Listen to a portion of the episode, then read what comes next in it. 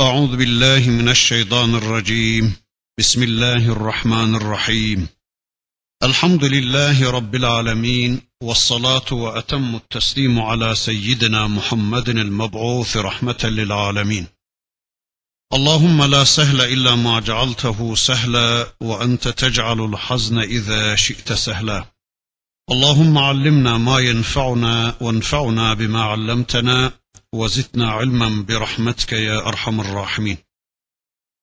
أشهد أن لا إله إلا الله وأشهد أن محمدا عبده ورسوله. أما بعد. فاذكروني أذكركم واشكروا لي ولا تكفرون. يا أيها الذين آمنوا استعينوا بالصبر والصلاة. إن الله مع الصابرين. ولا تقولوا لمن يقتل في سبيل الله أموات بل أحياء ولكن لا تشعرون. ولنبلونكم بشيء من الخوف والجوع ونقص من الأموال والأنفس والثمرات وبشر الصابرين. الذين إذا أصابتهم مصيبة قالوا إنا لله وإنا إليه راجعون. أولئك عليهم صلوات من ربهم ورحمة وأولئك هم المهتدون. إن الصفا والمروة من شعائر الله فمن حج البيت أو اعتمر فلا جناح عليه أن يطوف بهما. ومن تطوى خيرا فإن الله شاكر عليم. إن الذين يكتمون ما أنزلنا من البينات والهدى من بعد ما بيناه للناس في الكتاب أولئك يلعنهم الله ويلعنهم اللاعنون إلى آخر الآيات صدق الله العظيم Geçen dersimizde Bakara suresinin 152. ayetine kadar gelmiş. O ayetle ilgili bir şeyler demeye çalışmıştım. Zikri üçe ayırmıştık. Dilin zikri, kalbin zikri ve bedenin zikri diye. Dilin zikrini anlatmaya çalışmıştım geçen dersimizde. İşte dilin Allah'ın esmasını telaffuz etmesi demiştim. Yani ya Allah, ya Rahman, ya Rahim, ya Gaffar, ya Settar gibi dilin Allah'ın esmasını, Allah'ın sıfatlarını telaffuz etmesidir demiştim. Sonra mahza zikir olan Kur'an'ı dilin okuması da dilin zikridir demiştim. Ama Kur'an'ın hangi bölümü olursa olsun o bölümün okunması, telaffuz edilmesi de dilin zikridir demiştim. Yine insanın dilini vahyin sözcülüğünde kullanması, bir Müslüman kardeşine ayet anlatması, bir Müslüman kardeşine hadis anlatması, yani kişinin dilini vahyin sözcülüğünde kullanması da zikirdir demiştim. Yine bir Müslümanın çocuklarına tahareti anlatması, hanımına cennete kazandırma adına ona İslam'ı duyurması zikirdir demiştim. Hatta bir Müslümanın zalim bir hükümdar karşısında hak sözü söylemesi, gerçeği söyleyip onu uyarması da zikirdir demiştik. Bu dilin zikriydi. Kalbin zikrine gelince kalbin zikri kalbin fonksiyonu, kalbin eylemi olan niyetin Allah'a ait kılınmasının adıdır. Yani niyetin Allah'a ait kılınması. Yani bir hayat boyu kalbin Allah'ı hatırlayarak niyet sahibi olması kalbin zikri demektir. Zira kalp iman ve küfür makamıdır. Kalp red ve kabul makamıdır. Kalp niyet makamıdır. Yani hadiseler karşısında kişinin meylinin değerlendirilme merkezidir kalp. Kişi diliyle ne söylerse söylesin, kalpten ne geçirdiği önemlidir. Çünkü kalp fesat ve salah olabilme özelliğine sahiptir. İşte bu iki özelliğe de sahip olabilen kalp eğer Allah'ın istediği gibi bir özelliğe sahipse Allah'ın istediği gibi bir özellik sahibi ise kalp, yani Allah için niyet taşıyorsa, o zaman işte bu kalp zikir halindedir diyoruz. Yani kalbin illa da dilin yaptığı gibi Allah Allah demesi şart değildir. Kalbin bir ömür boyu Allah'ı her amelde, söylediği her sözde, ortaya koyduğu her davranışta kalbin Allah için niyet taşır hale gelmesi, kalbin Allah'a halis kılınması, işte bu kalbin zikridir diyoruz. Üçüncüsü de bedenin zikri. Bedenin zikri de bütün ecsamıyla, bütün azalarıyla bedenin Allah'ın kulluğunda istihdam edilmesinin adıdır. Yani göz hakkı görür, kulak hakkı işitir, dil hakkı konuşur, mide helal yer, kafa meşru bilgiler öğrenir, ayak meşru yerlere gider, el meşru şeylere uzanırsa, işte tüm azalar Allah'a kulluk işinde istihdam edilirse, işte bu da bedenin zikridir. Yani tüm azaların yaratılış gayeleri istikametinde kullanılmasıdır. Allah bizim azalarımızı ne için yaratmışsa onu ona tahsis etmek bu azaların zikridir. Allah elimizi ne için yaratmışsa onu o istikamette kullanmak elin zikridir. Allah gözümüzü ne için yaratmışsa, nerelere bakmamızı istemişse gözümüzü oralarda kullanmamız zikirdir. Yani azaların tümünü Allah ne için yaratmışsa o azaları yaratılış gayeleri istikametinde kullanmak o azaların zikridir. Eğer bu azaları yaratılış gayelerinin dışında kullanmaya kalkışırsa kişi Allah korusun o zaman hem kendisi zalim durumuna düşmüş olur hem de bu azaların zikrini engellemiş olur. Bakın Allah diyor ki fezkuruni ezkurkum Sizler beni zikredin ben de sizi zikredeyim. Beni bana itaatle zikredin ki ben de sizi rahmetimle zikredeyim. Beni dualarınızla zikredin ki ben de sizin dualarınızı kabulle sizi zikredeyim. Yani sizin e, dualarınızı, ilticalarınızı kabul edeyim.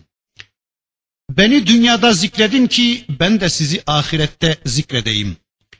Beni dünyada zikredin ki ben de sizi ahirette zor zamanlarınızda zikredeyim, hatırlayayım. Beni sıhhatliyken zikredin ki ben de sizi hastayken zikredeyim. Beni iyi günlerinizde zikredin ki ben de sizi zor günlerinizde zikredeyim. Beni benim yolumda cihatla zikredin ki ben de sizi zaferle zikredeyim. Bundan sonra bakın Rabbimiz Bakara suresi ayet 153 154 şöyle buyuruyor. Ya eyyühellezine amenu ista'inu bis sabri ve salah innallaha ma'as sabirin. Ey iman edenler sabır ve namazla Allah'tan yardım isteyin. İnnallaha ma'as sabirin. Şüphesiz ki Allah sabredenlerle beraberdir. Allah namazla ve sabırla kendisinden yardım dilememizi, kendisinden yardım istememizi emrediyor. Bu ayet Bakara suresinin evvelinde geçti. O konuda bir şeyler demeye çalıştım. Burada uzunca bir şeyler demeyeceğim. 154. ayetinde de bakın Rabbimiz şöyle diyor. وَلَا تَقُولُوا لِمَنْ يُقْتَلُ ف۪ي سَب۪يلِ اللّٰهِ اَمْوَاتٍ بَلْ اَحْيَاءٌ وَلَكِنْ لَا تَشْعُرُونَ Allah yolunda öldürülenlere yani şehitlere ölüler demeyin. Bel ahyaun velakin la teş'urun. Hayır hayır onlar ölü değil diridirler. Ama siz bunu hissedemezsiniz. Siz onların diriliğini sezemezsiniz diyor Allah. Yani müj şehitlere ölüler demek Rabbimizin bu ayeti kerimesi gereği yasaklanmıştır. Çünkü onlar diridirler. Ama siz onların hayatlarını hissedemezsiniz. Siz onların diriliklerini hissedemez, anlayamazsınız. Çünkü bu hayat zahiri hislerle hissedilebilecek bir hayat değildir. Evet, Allah yolunda öldürülenler, şehitler diridirler ve Rableri katında en güzel rızıklarla rızıklandırılmaktadırlar. Ama Şüphesiz ki onların nasıl rızıklandırıldıklarını bizler bilemeyiz, bilemeyeceğiz yani. Şu kadarını biliyoruz ki artık onlar bize sürekli mesajlar vermekte ve Allah'ın dinini canlılıkla muhafaza ettirmede rollerinin olduğunu da bileceğiz. Yani bir şehidin sürekli bizim karşımızda, bizim dünyamızda yayın yaptığını ve yaptığı yayınlarla sürekli olarak bize İslam'ı hatırlattığını, Allah'a kulluğu hatırlattığını görüyoruz. Lakin arkadaşlar hayatta olan, canlı olan birilerinin, hatta en büyük alimlerin, en büyük hocaların bile böyle bir mesaj vermediklerini de biliyoruz. Yani hiçbir kimsenin hiçbir mesaj vermediği bir ortamda herkesin durgun, herkesin statik bir hayat yaşadığı bir ortamda yıllar önce ölen ve de adı Yasin suresinde ebedileşen atsız bir şehidin sürekli olarak bize verdiği mesaj bakın Yasin suresinde Rabbimiz tarafından şöylece ortaya konuyor. Kale ya leyte kavmi ya'lemun bima gafara li rabbi ve cealeni minel mukramin.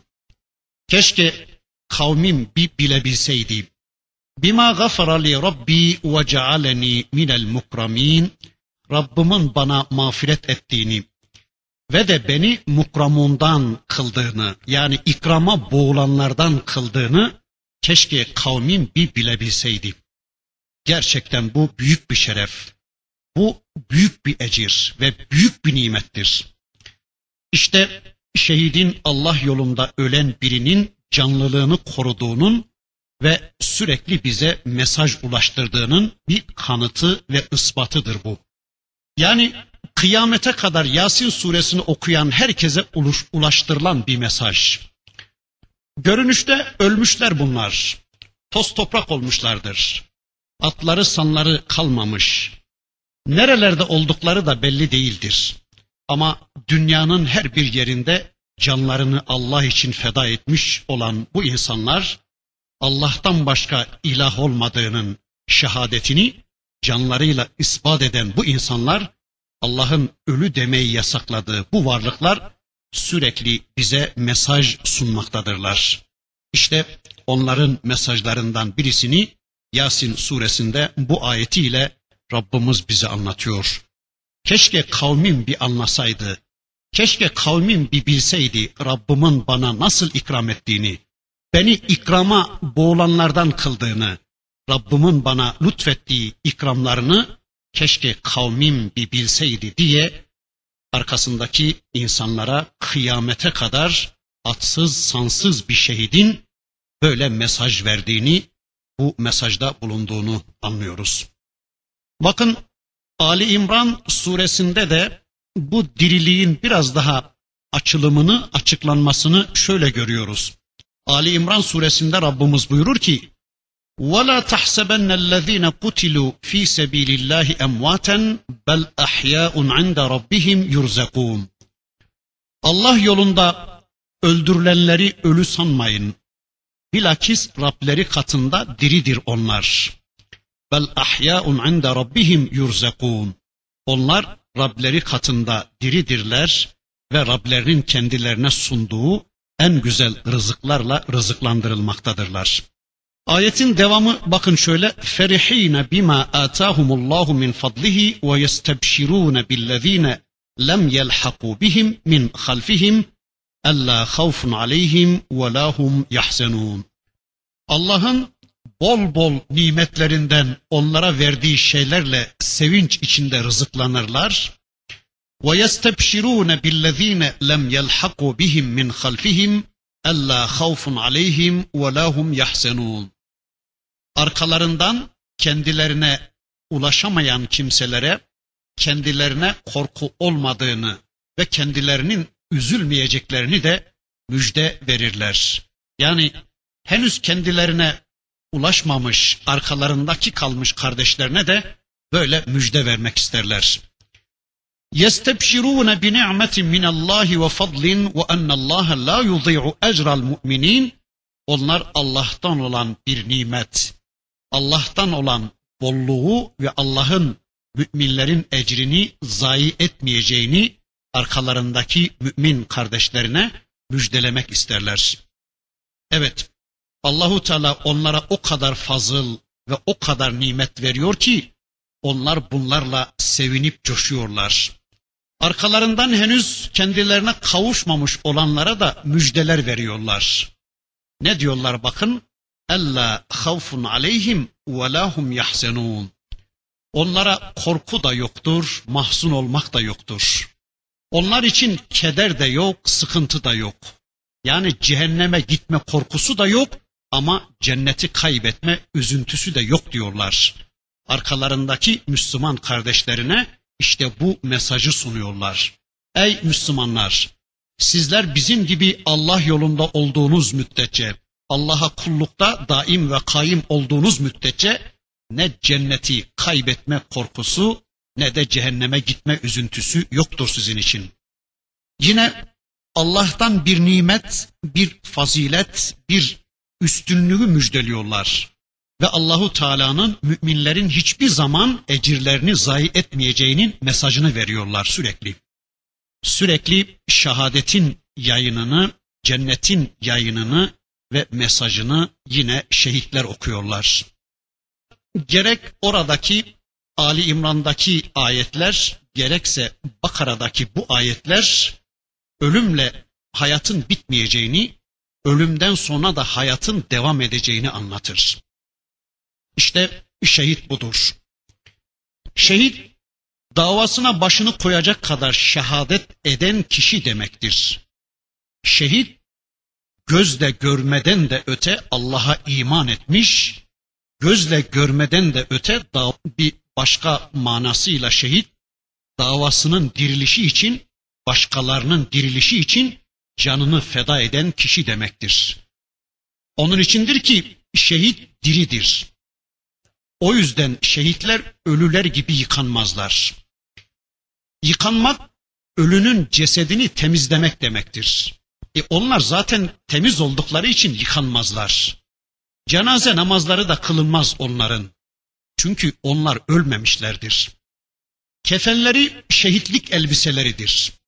Yani yaşarken giydikleri elbiseleri ölürken de giyer şehitler. Zira onlar öldükten sonra da yaşarlar. Onlar öldükten sonra da yaşamaktadırlar. Diridirler onlar. Zira onlar yakınlarını diriltirler. Onların ayrılıkları yakınlarını asla üzmez. Ayrılıkları arkalarında kalanlara asla zor gelmez. Çünkü onlar diridirler, onlar aramızdadırlar. Bu kavram, şehit, şehadet kavramı aslımızda gerçekten çok çarpıtılmış. Sadece Allah için, Allah'ın dininin hakimiyeti için, Allah'ın dininin ilası için, Allah'ın şeriatının ikamesi için öldürülenler şehittir. Bunun dışındakilerin kesinlikle şehitlikle hiçbir ilgisi, alakası yoktur. Ebu Davud'da Ebu Musa el-Eş'ari hazretlerinden rivayet edildiğine göre adamın birisi Resul Ekrem Efendimize sorar. Ey Allah'ın Resulü, adamın birisi şecaat için, kahramanlık için savaşır. Bir başkası hamiyet için yani ırkçılık için savaşır. Bir başkası da riya için, gösteriş için savaşır. Bunlardan hangisi Allah yolundadır? Hangisi Allah'ın istediği biçimde savaşıp şehit olmuş insandır? Ee, diye sorulur. Allah'ın Resulü buyurur ki Men qatele litekune kelimetallahi hiyel ulya. Kim ki Allah'ın kelimesi ali olsun diye, Allah'ın dini hakim olsun diye, Allah'ın kelamı, Allah'ın sistemi, Allah'ın iradesi yeryüzünde hakim olsun diye savaşırsa işte Allah yolunda savaşan odur der Allah Resulü Hazreti Muhammed Aleyhisselam. Demek ki şu veya bu yolda savaşan ölen kişiye şehit denmeyecektir.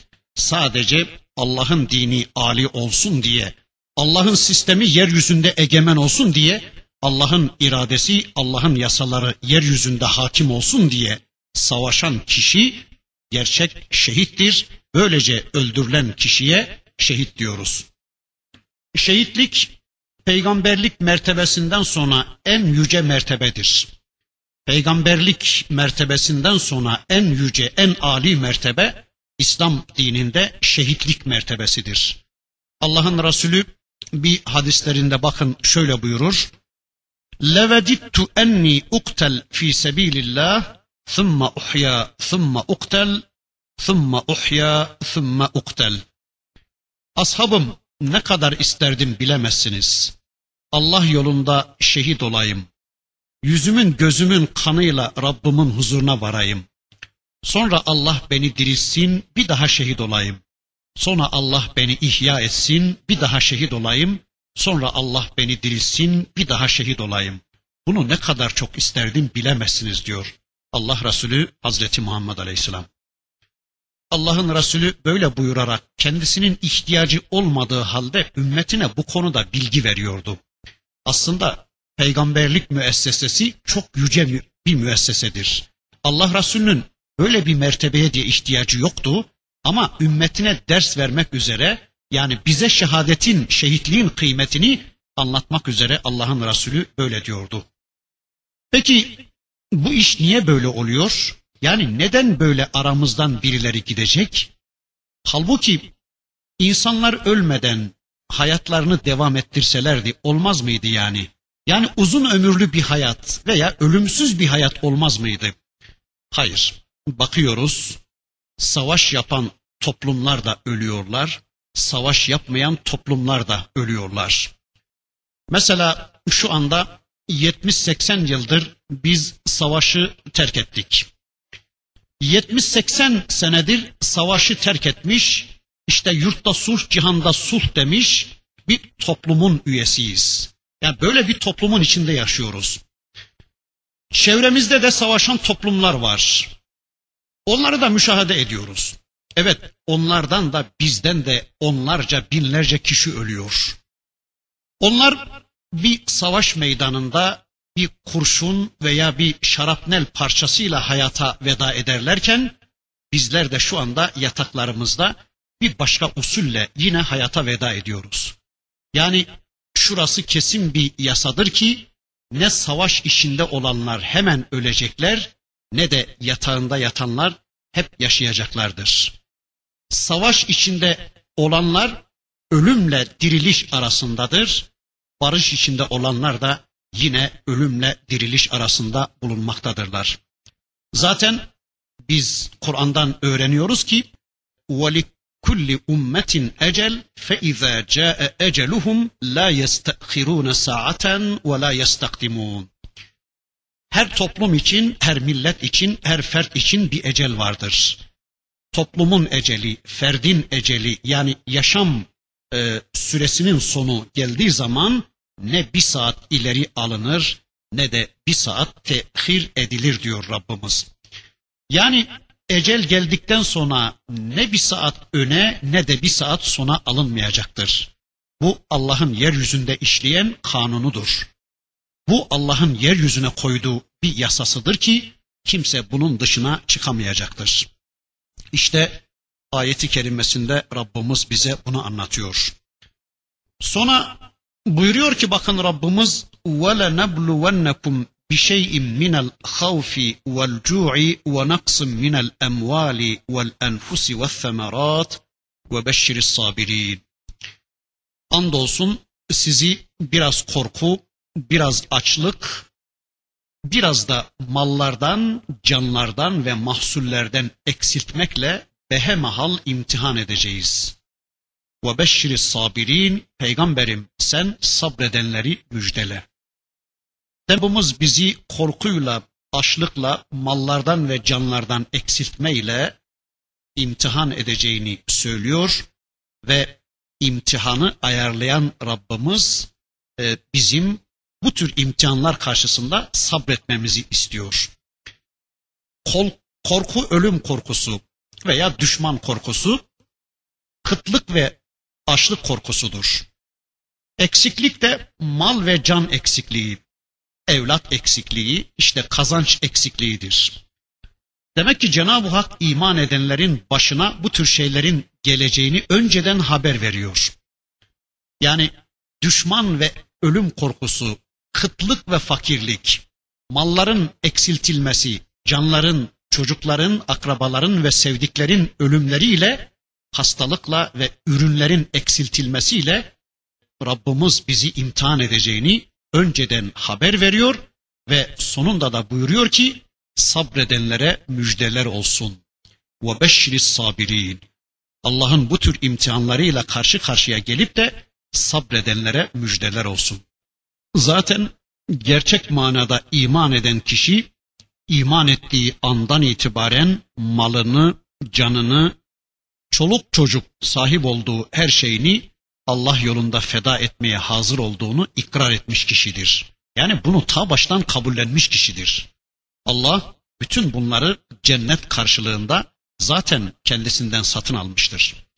Hani Tevbe suresindeki ayeti kerimeyi hatırlıyoruz. İnna Allah eştera minel mu'minine enfusehum ve emvalehum bi enne lehumul cenneh. Allah şüphesiz ki Allah yolunda savaşıp öldüren ve öldürülen müminlerin canlarını ve mallarını cennet karşılığı satın almıştır. Evet müminler mallarını ve canlarını cennet karşılığında Allah'a satmışlardır. Mal da can da arkadaşlar zaten Allah'ındır. Yani nimeti veren istediği zaman onu geri alabilir. Eğer bir şey Allah yolunda harcanmışsa kesinlikle o doğru yolda harcanmıştır. Müminler mallarını ve canlarını onu verenin yolunda harcayarak onları değerlendirmektedirler. Yeryüzünde her türlü küfür, her türlü şirk ve azgınlık güçlerine karşı duran tüm dünyada Allah'ın iradesini hakim kılmaya çalışan, yeryüzünde Allah'ın egemenliği için çırpınan müminlerden Allah bakın şunu istemektedir. Bu yolda mallarından, canlarından, ürünlerinden, ticaretlerinden eksilmeler gibi bir kısım belalarla, bir kısım iptilalarla karşı karşıya geldikleri zaman bunu bir imtihan olarak karşılamalılar ve sabretmelidirler. İşte Allah müminlerden bunu istemektedir. Rabbimiz bizden bunu istemektedir. Bu belalar, bütün bu imtihanlar insanın imanını, insanın iradesini ve dayanıklılığını güçlendiren hayatın deneyimleridir. Bu imtihanlar sayesinde mümin güç ve kuvvet sahibi yegane varlığın Allah olduğunu, kendisinin aciz olduğunu, insanın aciz olduğunu, kendisinin hadiselere müdahale edemeyecek kadar güçsüz olduğunu, Allah'ın mülkü olduğunu anlayacak. Yani insan kendisi mülk olunca Malik'e karşı herhangi bir itiraz hakkına da sahip olmadığını anlayacak. İşte Rabbimiz bu ayetleriyle bize bunu anlatıyor. Efendim dünyada bunlar olmasın. Mesela dünyada hastalık olmasın. Dünyada ölüm olmasın. İşte sıkıntı, keder olmasın. Bunlar güzel temenniler. Ama hayat hiç de böyle değildir. Bakıyorsunuz bir korku, işte bir kafir korkusu, bir düşman korkusu ya da başka korkular bizi sarı veriyor. İşte unutmayalım ki bu bir imtihandır. Rabbimiz bütün bu korkularla bizi imtihan etmektedir. Acaba bu korkuyla karşı karşıya kalan kulum ne yapacak? Gerçekten Rabbine güvenebilecek mi yoksa güvenmeyip dağıtacak mı? Veya mesela sürekli iyi doymaya alışık olan bizler bir anda açlıkla karşı karşıya bırakılı veriyoruz. Veya mesela bazen mallarda noksanlıkla karşı karşıya geli veriyoruz. Çok kazanıyorken bir anda biti veriyoruz. Güçte, kuvvette noksanlık yani çok güçlüsünüz ama bir anda gücünüz, kuvvetiniz biti veriyor. İşte ihtiyarlık, hastalık gelip belinizi bükü veriyor.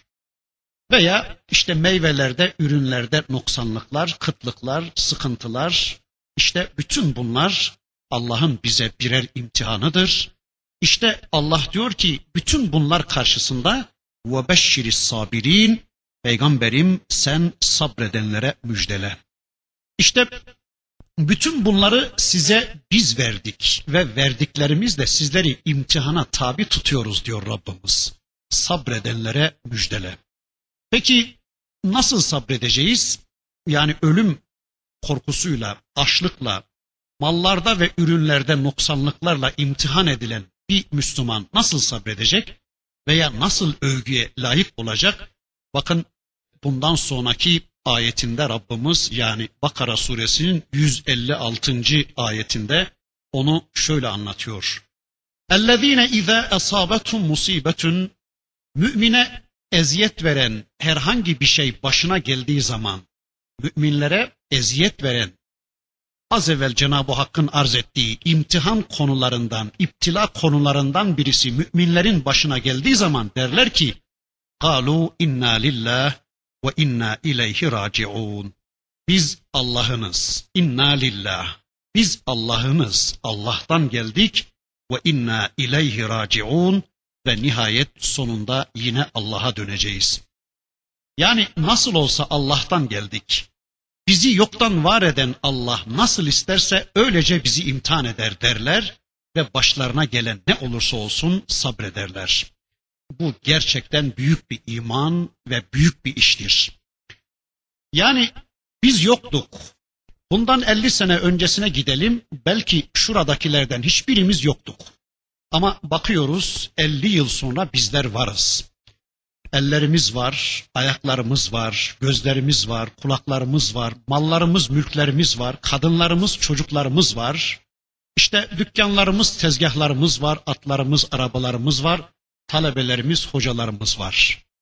Ama 50 yıl önce bunların hiçbirisi yoktu. Ve bir gün bunların hiçbirisi olmayacak. Bir bakmışsınız ki bizler de sahip olduklarımız da hepsi hayal olmuş. Hepsi yok olmuş gitmiş. Yani bir varmış bir yokmuş. Hatta öyle bir zaman gelecek ki var mıydı yok muydu kimsenin hatırına bile gelmeyeceğiz. Tıpkı şu anda bizlerin 100-150 sene önce yaşayanların üzerlerinde tepe tepe gezdiğimiz yani tekmeyi vurup geçtiğimiz gibi. Bizden önce yaşayanları şu anda hiçbirimizin hatırlamadığı gibi. Acaba ya bu toprağın altında şu zavallı, şu garip insan vardı veya bu toprağın altında kral vardı, prens vardı, prenses vardı ya da bu toplumun ağaları, bu toplumun beyleri vardı filan demeden işte vuruyoruz tekmeyi geçiyoruz ya. Yarın bizim üstümüzde de basıp tekmeyi birileri geçecek. Aa bir zamanlar burada birileri varmış. Hacılar, hocalar varmış. Ders yapıyorlarmış. Kur'an sünnet okuyorlarmış filan diye kimsenin hatırına bile gelmeyecek. İşte madem ki hayat buysa, madem ki hayat böyleyse ve bu hayatın sonunda biz mutlaka dirilecek ve bir hesap vereceksek o zaman bunu çok rahat kabullenebilmemiz lazım. Yani Allah'ın bize gönderdiği bu imtihan konularına sabretmemiz, en mütenasip imtihanı Allah yapar. En güzel soruları Allah sorar.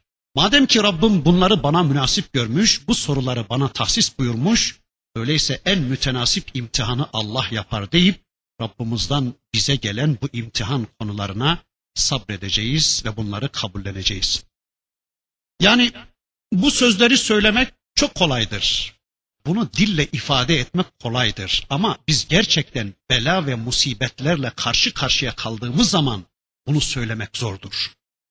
Zaten Allah Resulü Hazreti Muhammed Aleyhisselam'ın bir hadislerinde bakın bu hususu şöyle anlatıyordu. Es-sabru inde satmetil ula. Sabru cemili tarif ediyordu.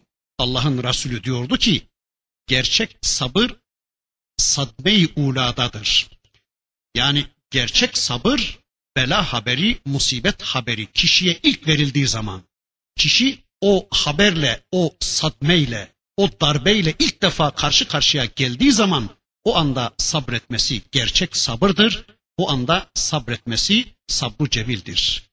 Yani musibet haberi kişiye ilk verildiği anda o sadmeyle ilk defa karşı karşıya kaldığı anda sabretmesi gerçek sabırdır. Baban öldü haberi kişiye ilk verildiği zaman o anda yani o ilk sadmeyle karşı karşıya kaldığı zaman sabretmesi sabrı cemildir. on gün sonra, bir yıl sonra ona sabret demenin de anlamı kalmamıştır. Zira artık ona alışmıştır. Yani hemen anında ne diyecekmiş bir Müslüman? Bunu son okuduğumuz ayetin ifadesiyle söyleyelim. قَالُوا inna lillah ve inna ileyhi raciun. Biz Allah'ınız, biz Allah'tan geldik ve ona döneceğiz. Zaten biz Allah'ındık, zaten biz Allah'tan geldik, ona döneceğiz. Ha üç gün önce dönmüşüz, ha beş gün sonra dönmüşüz, farkı yok diyeceğiz. Ayetin devamında diyor ki Rabbimiz, yo 157. ayette diyor ki bakın, Ulaike aleyhim salavatun min rabbihim ve rahmetun ve ulaike humul muhtedun. Onlar için Rablerinden salavat vardır. Ulaike aleyhim salavatun min rabbihim. Onlar için Rablerinden salavat vardır. Yani mağfiret vardır. Ve rahmetun rahmet vardır. Mağfiret vardır ve ulaike humul muhtedun. İşte gerçekten hidayete erenler, kurtuluşa erenler bunlardır. Bu ayetlerden sonra konu bir sembole geçiyor. Yani bir şiar anlatıyor Rabbimiz bize burada Bakara suresinin 158. ayetinde bakın şöyle buyuruyor. İnne safa vel mervete min şairillah. Muhakkak ki Safa ve Merve Allah'ın şairindendir. Allah'ın şiarlarındandır. Yani Safa ve Merve Allah'ın sembollerinden, Allah'ın alametlerinden, Allah'ın şeairinden, şiarlarındandır. Şeair, şiarın cem'idir. O da alamet demektir, sembol demektir. Maide suresinde başka şairlerden de bahsediyor Rabbimiz. Mescidi Haram Allah'ın şiarlarındandır. Haram aylar, Kabe'ye gönderilen kurbanlıklar gibi Kur'an'ın değişik yerlerinde Rabbimiz değişik şiarlarından, şairlerinden, sembollerinden ve alametlerinden söz eder. Şair bazen bizzat ibadetin kendisi için, bazen de ibadetin yerleri için kullanılır. Bu manada ezan şairdir, cemaatle namaz, cuma ve bayram namazları, hac, camiler, minareler, Safa ve Merve bunların hepsi Allah'ın şairindendir. Yani dinin alametlerindendir. Bu dinin, İslam dininin sembollerindendir. Bu Bakara suresinin 158. ayetinde ifade edildiğine göre Safa ve Merve de bunlardan birisidir. Her ikisi de birer tepe. Yani biliyorsunuz Safa ile Merve. Ama bu iki dağ bu iki sembol bize imanımızı hatırlatıyor. Bu iki tepe İbrahim Aleyhisselam'ı, onun hanımı Hacer anamızı ve onun oğlu İsmail Aleyhisselam'ı hatırlatıyorlar. Yani Safa ile Merve'yi hatırlamak bir anda onlarla karşı karşıya gelmek demektir. Safa ile Merve'nin gündeme gelmesi, Hazreti İbrahim'in gündeme gelmesi, Hazreti İsmail Aleyhisselam'ın gündeme gelmesi ve İsmail Aleyhisselam'ın annesi İbrahim Aleyhisselam'ın zevcesi Hacer validemizin gündeme gelmesi demektir. İbrahim Aleyhisselam şu anda Kabe'nin bulunduğu yere anamız Hacer'i bırakır. Yanlarında birazcık bir kırbada suyla birazcık da hurma vardır. Az bir yiyecek vardır. İbrahim Aleyhisselam karısı Hacer'le oğlu İsmail'i orada yalnız başına bırakıp giderken arkasına dönmemek zorundadır. Hacer anamız arkasından koşarak bağırır. Nereye gidiyorsun ey İbrahim?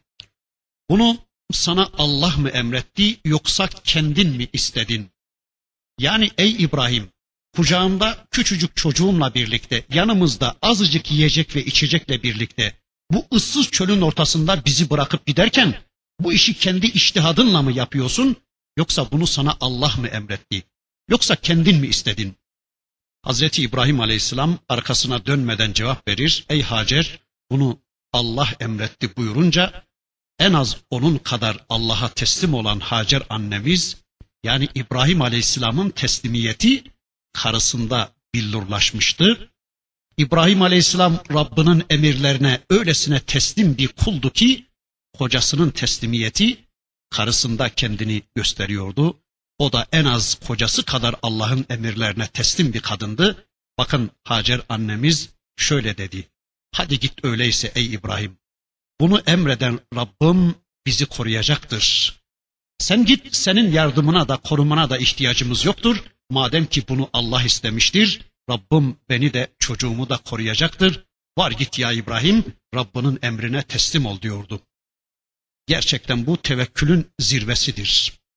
Yani yapayalnız bir kadının ve şu anda da Kabe'yi tavaf etmek için gelen bütün insanlığın Kabe ile birlikte tavaf ederek kendisini hatırlamak zorunda kaldığı bir kadının ve yine rivayetlere göre bir zenci kadının Allah'a tevekkülde bu kadar zirvede olması işte bu kadın adına o iki dağı Allah'ın şiarı haline getirecekti. Yani bu kadın hatırına Allah bu iki dağı şairinden kılmıştı. Şiarlarından kılmıştı. Ve kıyamete kadar bütün insanlık bunu hatırlayacaktı. Öyleyse Allah bize de yeter diye bilmeli değil mi Müslüman? Yani bir kadının ifadesine bakın.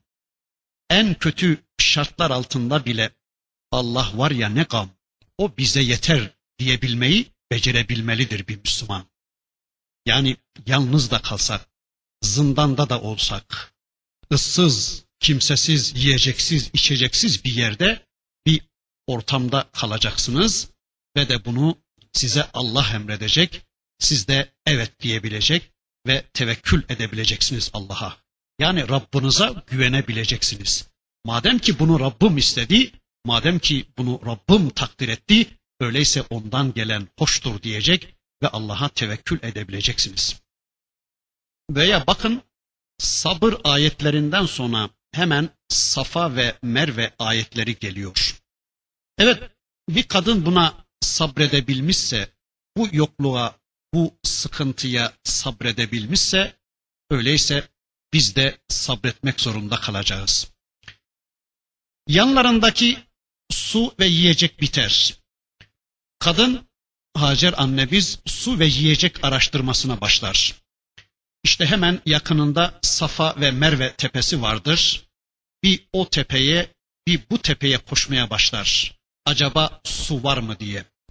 Acaba gelip giden birileri var mı diye, insan var mı diye. Yedi defa gidip gelir ama suyu bulamaz. Ama bir emirdir bu. Koşacak ve Allah'ın emriyle suyu arayacaktır. Yani yatmayacaktı Hacer annemiz. Hayatı arayacaktı, direnç gösterecekti, su arayacaktı. Allah'ın emirlerine boyun bükecekti. Allah'ın yasalarını araştıracak ve hiçbir zaman sıkıntı duymayacaktı. Hiç üzülmeyecekti.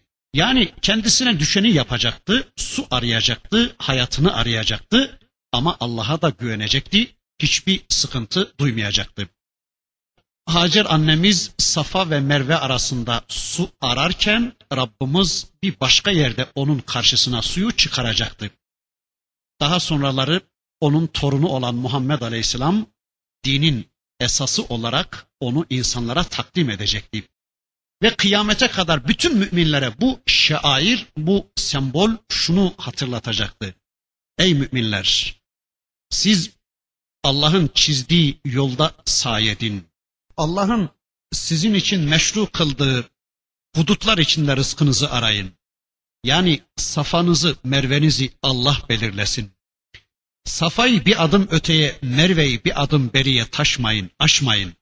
Yani Allah'ın sizin için çizdiği yolda sayedin. Allah'ın bereketinin sizlere nerede ulaşacağına hiç bakmayın. O çizgide de ulaşabilirsiniz Allah'ın nimetlerine başka çizgilerde de. Yani sakın ha haramlara düşmeyin, haramlara bulaşmayın, meşru dairede rızkınızı arayın. İşte Safa ve Merve Müslümanlara bunu anlatacaktı. Yani siz Allah'ın sizden istediği bir hareketi gerçekleştirmeye çalışın. Mesela çevrenizdeki insanlara Allah'ın dinini ulaştırmaya çalışın. Çevrenizdeki insanlara kitap ve sünneti duyurmaya çalışın. bu insanlar hidayete ererler ya da ermezler. Siz bunu dert edinmeyin. Sonunda mutlaka iş Allah'a kalmıştır ve o dilediğini yapacaktır. Dilediğini hidayet edecek, dilediğini dalalette bırakacaktır. Tabi hidayeti tercih edenlere hidayeti ulaştıracak, dalalet yolunu tercih edenleri de dalalette bırakacaktır. Safa ile Merve arasındaki say ta İbrahim Aleyhisselam döneminde talim edilmiş haç menasikindendi. Yani İbrahim Aleyhisselam döneminden beri Safa ile Merve arasında say ediliyordu. Bu haccın menasikindendi. Ama yıllar sonra İbrahim Aleyhisselam'ın, İsmail Aleyhisselam'ın ve Hacer'in Safa ve Merve'si putlarla işgal edilmişti. Müşrikler cahiliye döneminde Safa tepesine İsaf diye bir put dikmişlerdi. Merve tepesine de Naile diye bir put dikmişler. Orada tavaf ediyorlar ve putlara ihtiram edip el sürüyorlardı. Tabi bu durum Müslümanlara ağır geliyordu. İslam gelip de bütün putları kırıp onların hakimiyetine son verdikten sonra Müslümanlar bundan çekinir oldular. Yani Müslümanlar bunun müşrikler tarafından sonradan ihdas edilmiş bir bid'at mı yoksa bizzat Allah tarafından konulmuş bir şair mi olduğu konusunda şüpheye düştüler. Yani bu iki tepe arasında say yapılınca şirke düşüp düşmeme konusunda ciddi bir tereddüt geçirdiler. Gelip Allah'ın Resulüne sordular. Dediler ki ey Allah'ın Resulü bu konuda ne yapacağız? Yani bu Safa ile Merve arasındaki say Allah'ın emri mi yoksa müşriklerin sonradan ihdas ettiği bir adet mi? Ya da işte Safa tepesinde bir put, Merve tepesinde bir put. Biz bu durumda ne yapacağız dediler. İşte Cenab-ı Hak da buyurdu ki فَمَنْ حَجَّ الْبَيْتَ اَوْ اِعْتَمَرَ فَلَا جُنَاهَ عَلَيْهِ اَنْ يَتَّوَّفَ بِهِمَا Şimdi her kim Kabe'yi hac eder veya umre yaparsa onların ikisini de tavaf etmesinde bir günah yoktur. Yani Safa'yı da Merve'yi de tavaf etmesinde o bölgede say etmesinde bir vebal yoktur, bir günah yoktur buyurarak bunun Hazreti İbrahim döneminden beri İslam'ın şiarından olduğu haberi veriliyordu. Ey Müslümanlar korkmayın bunda bir günah yoktur buyuruyordu Rabbimiz. Allah'ın Resulü de şöyle buyurdu bakın Ebu Davud'da şüphesiz ki Safa ve Merve Allah'ın şiarlarındandır ve sizler Allah'ın başladığı yerden başlayın. Yani Safa'dan tavafa başlayın buyurdu Allah Resulü. Ve hatta başka bir hadislerinde de bunun vacip olduğunu Allah'ın Resulü vurguladı. Bakın burada dikkatimizi çeken bir husus da şudur. Müslümanların sahabenin İslam'la tanıştıktan sonra cahiliye adetlerinin tümünden tiksinir bir duruma geldiklerini görüyoruz. Yani dün bu putları kendi elleriyle diken bu insanlar İslam'la tanıştıktan sonra her şeyi yargılama noktasına geliveriyorlar. Tüm hayatlarını, tüm adetlerini Kur'an'la, sünnetle yani vahiy ile sorgulama, vahiy ile yargılama noktasına geliyorlar. Artık ne dünkü hayatları kendilerinin ne de kendileri o hayatın malıydı. Sanki dünkü hayatı onlar yaşamamıştı. Bir anda bakın insanlar bu kadar değişmişlerdi. Bizler de işte böyle olmalıyız. Kur'an ve sünnetle tanıştıktan sonra cahiliyenin tüm pisliklerinden silkinmek zorundayız. Yeniden bir hayatla doğmak zorundayız. Yani tüm hayatımızı, tüm düşüncelerimizi, tüm adetlerimizi, tüm törelerimizi Kur'an ve sünnet kılıcıyla yeniden gözden geçirmek zorundayız. Bakın sahabe öyle yapıyordu. Kendileri dikmişlerdi bizzat bu putları ama yeni bir dinle tanışmışlardı, İslam'la tanışmışlardı. Yeni gelen bu dinle tüm hayatlarını, tüm yapıp ettiklerini sorgulamak zorunda kalıyorlardı. Tarihin örümcek ağı gibi öre öre günümüz insanına taşıyıp getirdiği tüm yanlış ve çarpık din anlayışlarını Kur'an ve sünnet kılıcıyla ıslah olmamış tüm adet ve gelenekleri, sayısız batıl inanışları, dinle ilgisi olmadığı halde dinmiş gibi hayatımızı işgal etmiş bütün bit'at ve hurafeleri Kur'an ve sünnet projektöründe yeniden gözden geçirmek ve ıslah etmek zorundayız. Yani tüm hayatımızı Kur'an ve sünnete vahye arz ederek onları yeniden gözden geçirmek zorundayız. Tarih kadar ağır bu yükten kurtulabilmek için bu iki kaynaktan başka çaremiz de yoktur. Yani Kur'an ve sünnet gibi hayatımızda tertemiz ve dimdik ayakta duran bu iki kaynaktan başka çaremiz yoktur. İşte acaba bu cahili bir anlayış mıdır? Acaba bu cahili bir adet midir? Bir töre midir? Yoksa gerçekten Allah'ın istediği bir şiar mıdır? Bu konuda ciddi bir korku geçiren sahabe-i kirama diyordu ki Rabbimiz, hayır bu Allah'ın bir şiarıdır. Bu Allah'ın bir sembolüdür ve o yaşanmalıdır, yaşatılmalıdır diyordu Rabbimiz. Maide suresi şiairin yani Allah'ın şiarlarının yaşatılmasını emreder. Yani haç devam etmelidir. Kimse hacca engel koymamalıdır deniyor. Bir gün Müslümanları hacca koymamak için, Kabe'ye sokmamak için Hudeybiye'de yasak koydular. Sonra Mekke'yi fethedip Kabe'nin hakimiyetini ellerine geçiren Müslümanlar da bir ara Mekke'nin kuzeyindeki müşrik kabileleri Kabe'yi ziyaretten men ettiler. E madem ki dün sizler bizleri Kabe'ye sokmadınız, şimdi de biz sizi sokmayacağız dediler. Allah buyurdu ki bırakın onlar da gelsinler. Bu bir şairdir. Bu bir semboldür ve kıyamete kadar da Allah'ın bu şiarı, Allah'ın bu alameti, Allah'ın bu sembolü devam edecektir buyurdu.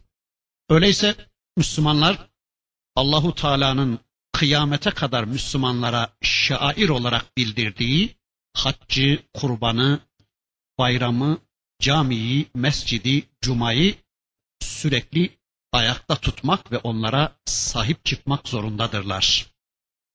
Birileri bunları elimizden almak ve bunların fonksiyonlarını yok etmek savaşına girseler de Müslümanlar bunlardan vazgeçmemek zorundadırlar.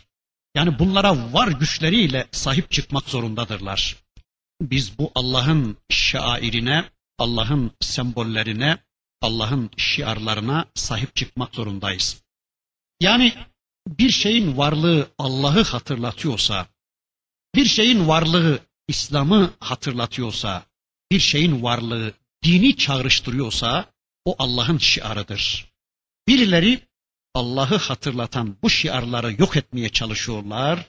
Yani bilinçli olarak varlığı Allah'ı hatırlatan Allah şiarlarını kaldırmaya çalışıyorlarsa biz de ısrarla onlara sahip çıkmak zorundayız.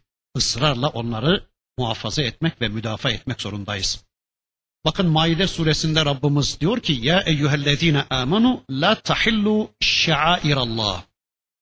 Ey iman edenler Allah'ın şairini helal saymayın. Allah'ın şiarlarını helallemeden yana olmayın diyor Rabbimiz.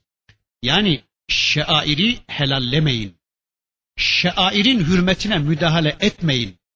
Dokunulmazlığını bozmayın.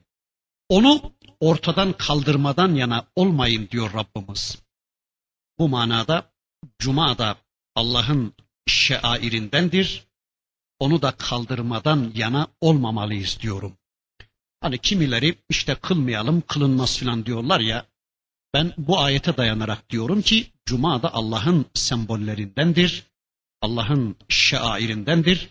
Öyleyse onu da ortadan kaldırmadan yana olmayalım ona sahip çıkmadan yana olalım.